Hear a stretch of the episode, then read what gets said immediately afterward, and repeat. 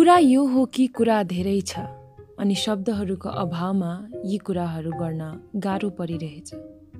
म केही बोलेँ भने सायद गलत सम्झिनुहुन्छ होला मलाई किनभने मान्छे प्राणी नै यस्तो कि केही बोल्यो भने ज्यादा बोल्ने अनि केही नबोले घमण्डी।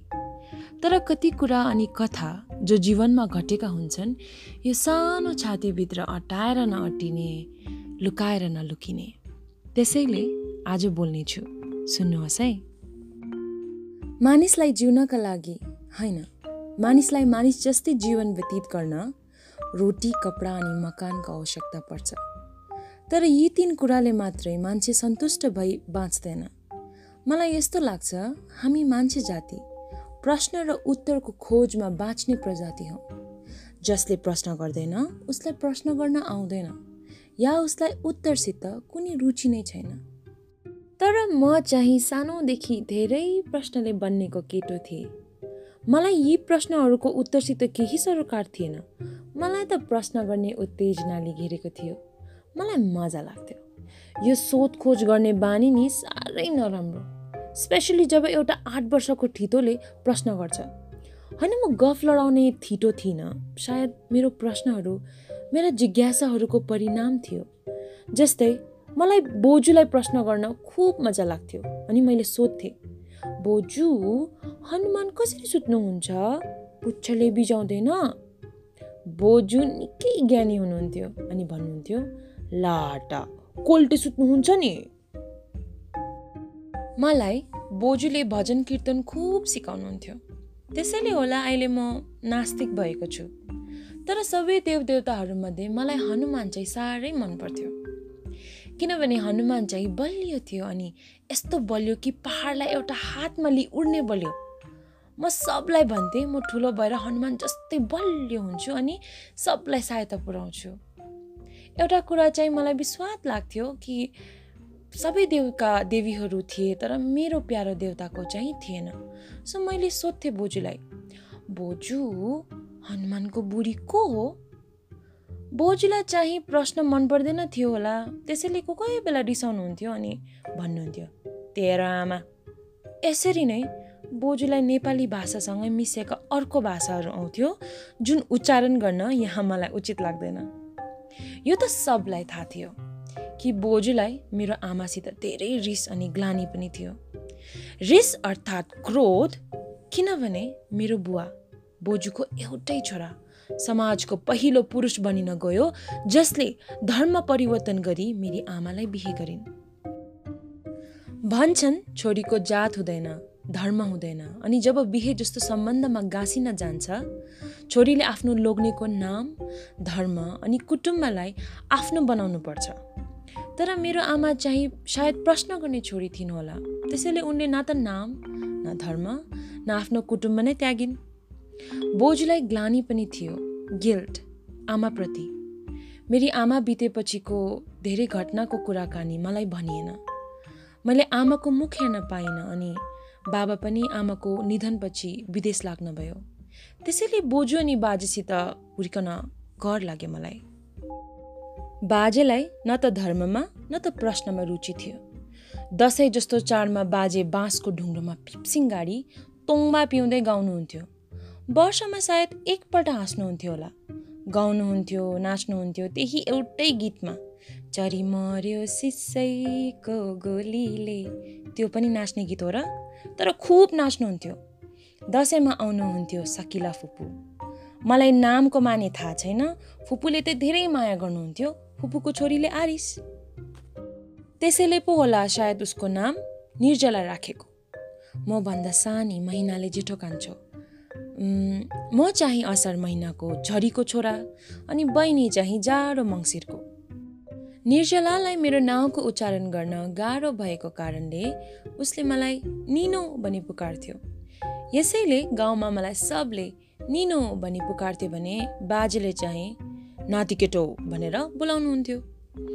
निर्जलालाई भाँडाकुटी भन्दा ज्यादा टिचर भएर हामीलाई पढाउनु अर्थात् पिट्नु मजा आउँथ्यो। ऊ त सहरको वातावरणमा अलिक अङ्ग्रेजी ढालमा हुर्केकी हामीलाई खुब अङ्ग्रेजी सिकाउँथ्यो। काँचो बाँसको भाटा लिएर कलल हाँस्थ्यो जब हामीले केही गलत उच्चारण गर्यो भने। अनि मलाई भन्थ्यो निनो बेलुन होइन बलुन भन न गिलास होइन ग्लास भन न स्कुल नभन स्कुल भन बिस्कुट होइन बिस्किट। उफ कस्तो स्टुपिड तिमी। खै तिमीलाई त केही आउँदैन।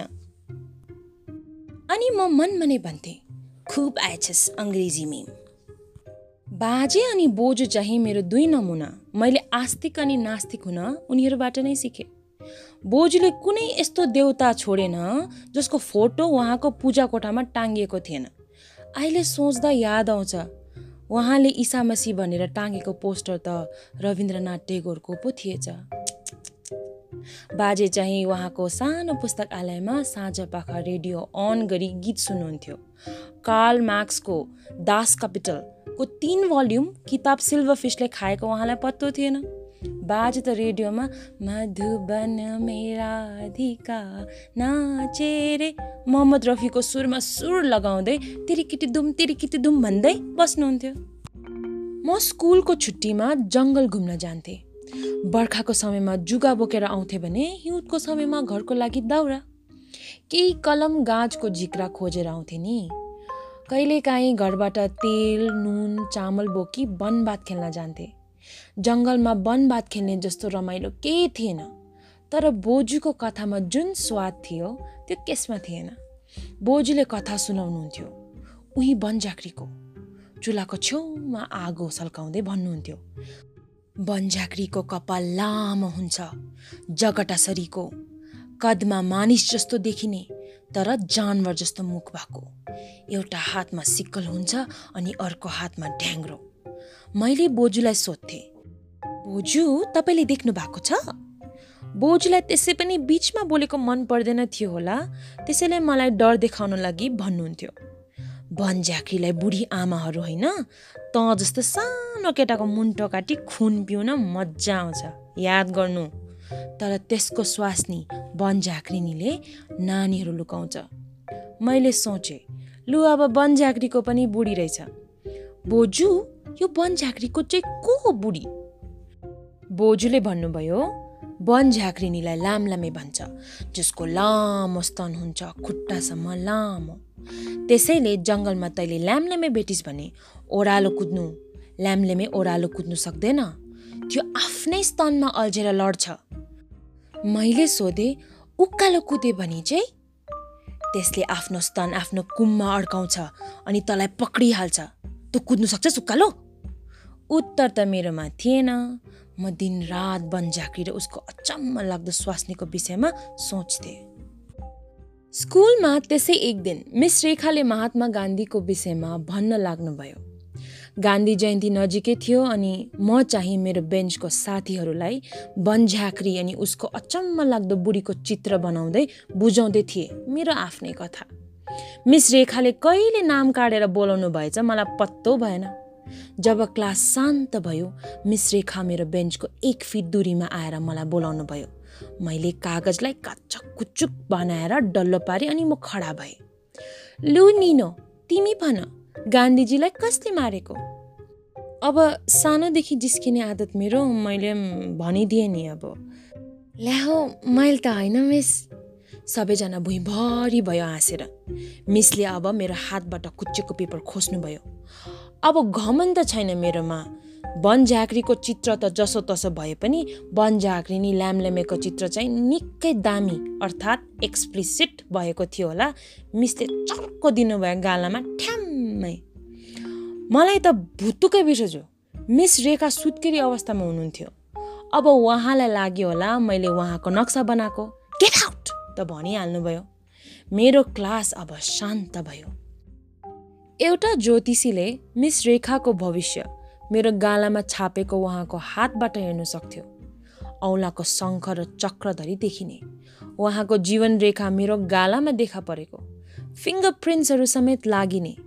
यस्तो धुलाइ कसले पाएको थियो र?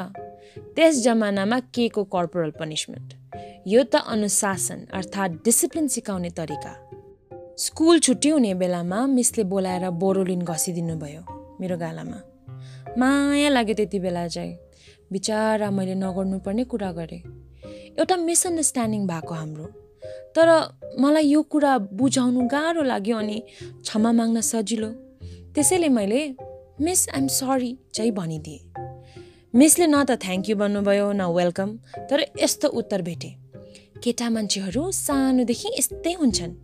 मैले यसको अर्थ त्यति बेला बुझिनँ। तर यो चाहिँ बुझेँ कि मैले गरेको कर्मले मेरो सारा जातिको परिचय हुँदो रहेछ। त्यो मैले गरेको होइन रहेछु। हामीले गरेको रहेछौँ। तर! डन डन डन।